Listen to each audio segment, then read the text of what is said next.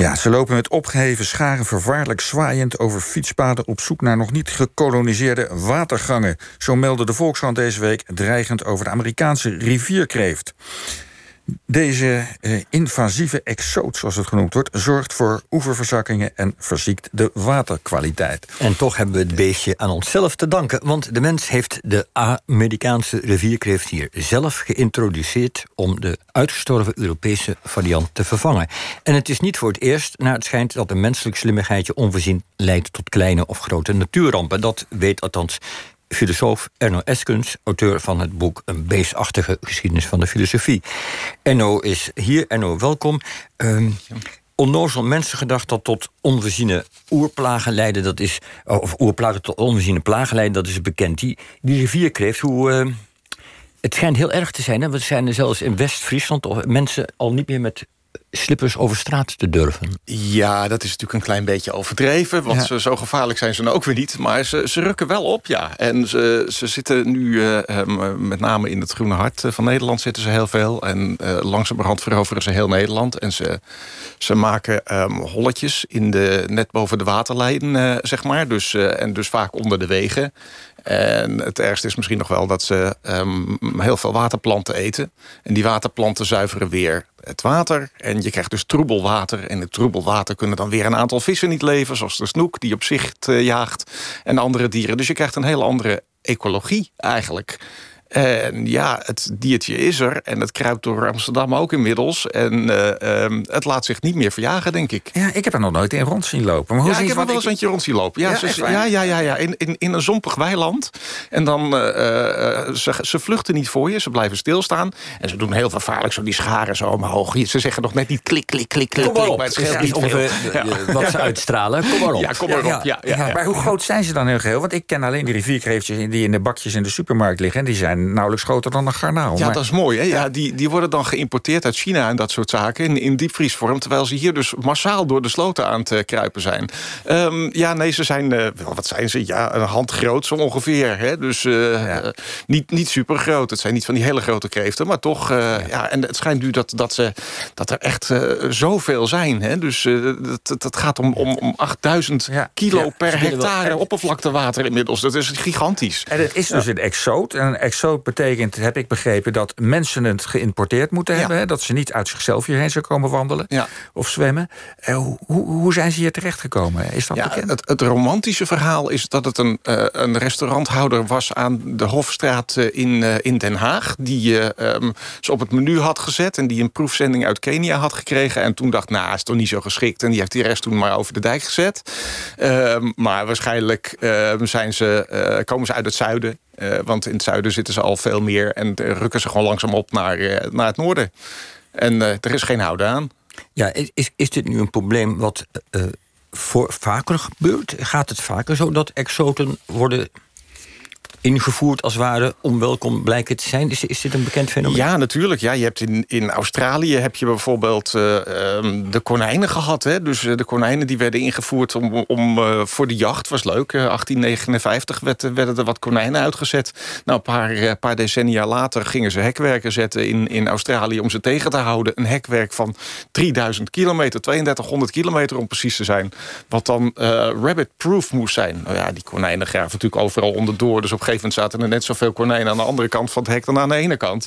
Dus totaal zinloos. En ja, daar natuurlijk ook die heb je nu, die reuze, reuzenpadden, hè, die giftige reuzenpadden, die ze daar hebben uitgezet om, om kevertjes te vangen die dan uh, het, het, het, het, suikerriet aantasten en zo. Nou, giftige reuzenpadden, dat klinkt vrij eng hoor. Is ja, hebben we het dan ook over Australië? Ja, ja, Australië. Ja, die zijn ook handgroot. Zijn een beetje en dus zitten, zitten grote bulten zitten erop en die zijn zo giftig dat ieder roofdier wat zo'n beestje verorbert, dat sterft. Dus alle slangen en, en vogels en weet ik veel wat... alles sterft zo langzamerhand uit in Australië. Dat is echt een serieus probleem. En er zijn dus mensen die dan menselijke ketens vormen... om die uh, kikkers te proberen af te vangen... zodat ze niet naar het, nog verder naar het noorden oprukken en zo. Maar ja. ook daar is geen houden aan. Maar die kikkers ja. zijn dus ook expres ge zijn geïmporteerd? Ja. Ja. ja, het zijn, uh, ja, die zijn expres geïmporteerd. Ja, ja, ja, ja, ja, ja, Ze dachten daarmee een, een ander probleem op te lossen. Ja, zo werkt het soms. Hè. Dat is... Ja, en we hebben het nu over het probleem wat door de mensen zelf is veroorzaakt. Maar dat fenomeen van exoten die komen, zoals de, de, de, vanaf wanneer is dat eigenlijk? Worstelen we daarmee als beschaving? Nou, dat is opvallend eigenlijk. Het woord exoot heb ik nog even nagezocht in het etymologische uh, woordenboek, of het chronologische woordenboek moet ik zeggen. Um, dat uh, kennen we in de Nederlandse taal pas sinds 1935. En pas in 1958 verschijnt het eerste spraakmakende boek erover van een zekere Charles Elton. En die schrijft het boek The Ecology of Invasions by Animals and Plants. Mhm. En sindsdien is het thema um, invasieve soorten een, een politiek issue geworden. Dus voor die tijd moeten er natuurlijk ook allerlei dieren geweest zijn. Hè? Neem de karper in Nederland of zo. Die is ingevoerd op een gegeven moment. En die karper die, die vreet de bodem kaal. Dat moet een enorme impact hebben gehad. Is nooit een politiek probleem geweest. Maar, maar nu is het plotseling wel een politiek probleem. Het staat op de agenda en de Europese uh, Unie heeft in 2016 daar een protocol voor opgesteld. En zo plotseling is het een politiek maar issue. Begrijp ik nou goed als ik jou zo hoor dat hoe wij of hoe de, het Westen of wie dan ook omgaat met vreemde dierlijke exoten, dat dat beter in regels is vastgelegd dan uh, hoe we omgaan met menselijke exoten? Uh, met mensen die van buiten komen? Nou, het, het, het, jargon lijkt wel heel erg op elkaar. Hè? Dus je hebt dan namelijk dieren die zijn ingeburgerd bijvoorbeeld. Hè? Dus dieren mhm. die, die lang hier zitten, die heten ingeburgerd. Die, mogen blijven. Ja. en je hebt dus ook de um, exoten die van voor 1500 uh, eh, zijn. Um, die worden door de Wageningen bijvoorbeeld, Wageningen Universiteit... worden die niet meer als exoten gezien. Dus je hebt dan een soort um, uh, een oercultuur van dieren.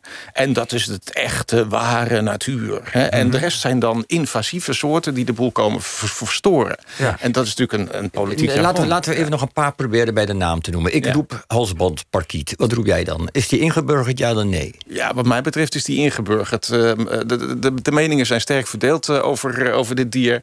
Um, sommigen vinden dat hij krijst en anderen zeggen dat hij de extra verjaagt. En, en, en hij zal vast wel wat schade aanrichten, et cetera. Maar ik vind hem zelf buitengewoon gezellig, hoewel die ieder jaar weer mijn kersenboom leeg eet.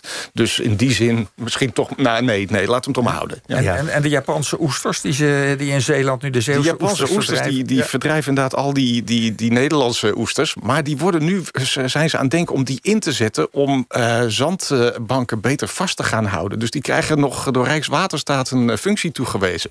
Ja. Dat is toch weer mooi. Ja, ze zijn ook best lekker, die Japanse. Ja, en ze, zijn, ze zitten aan elkaar vast. Ze zijn oersterk. Ze maken een soort muur waar, je, waar, geen, waar je nooit meer doorheen komt. Ja. En nog, ik wil even nog één korte vraag over... Eh, jij zei dat het in 35 begon, hè, het denken over exoten. Is dat toevallig, die periode?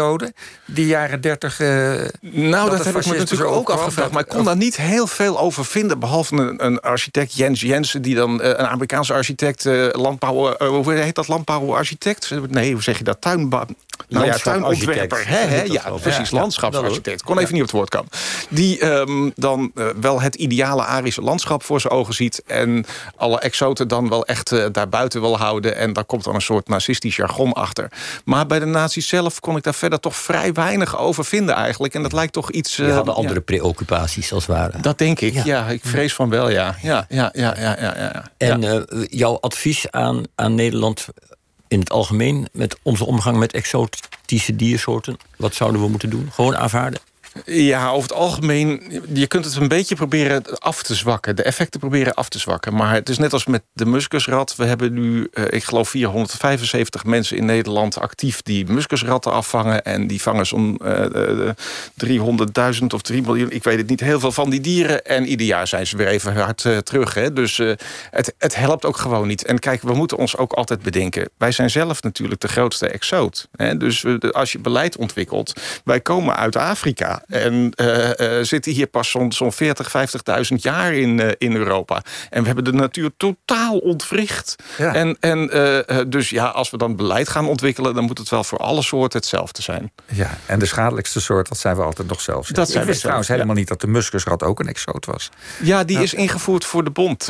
dus, en die vervolgens ont, ontsnapt. Ah, ja. ja. Nee, ik dacht, in, in België staat hij als waterkonijn toch al heel lang op de kaart. Hey, jouw, jouw dierenkennis is vooral culinair, geloof ik. Hè? Maar goed. Goed, ja. RS, bedankt. Eh, je boek, Een beestachtige geschiedenis van de filosofie. Is dat, uh, is dat nog verkrijgbaar? Ja, zeker. Ja, ja hoor. Ja. Oké. Okay. Nou, hartelijk dank. Dankjewel.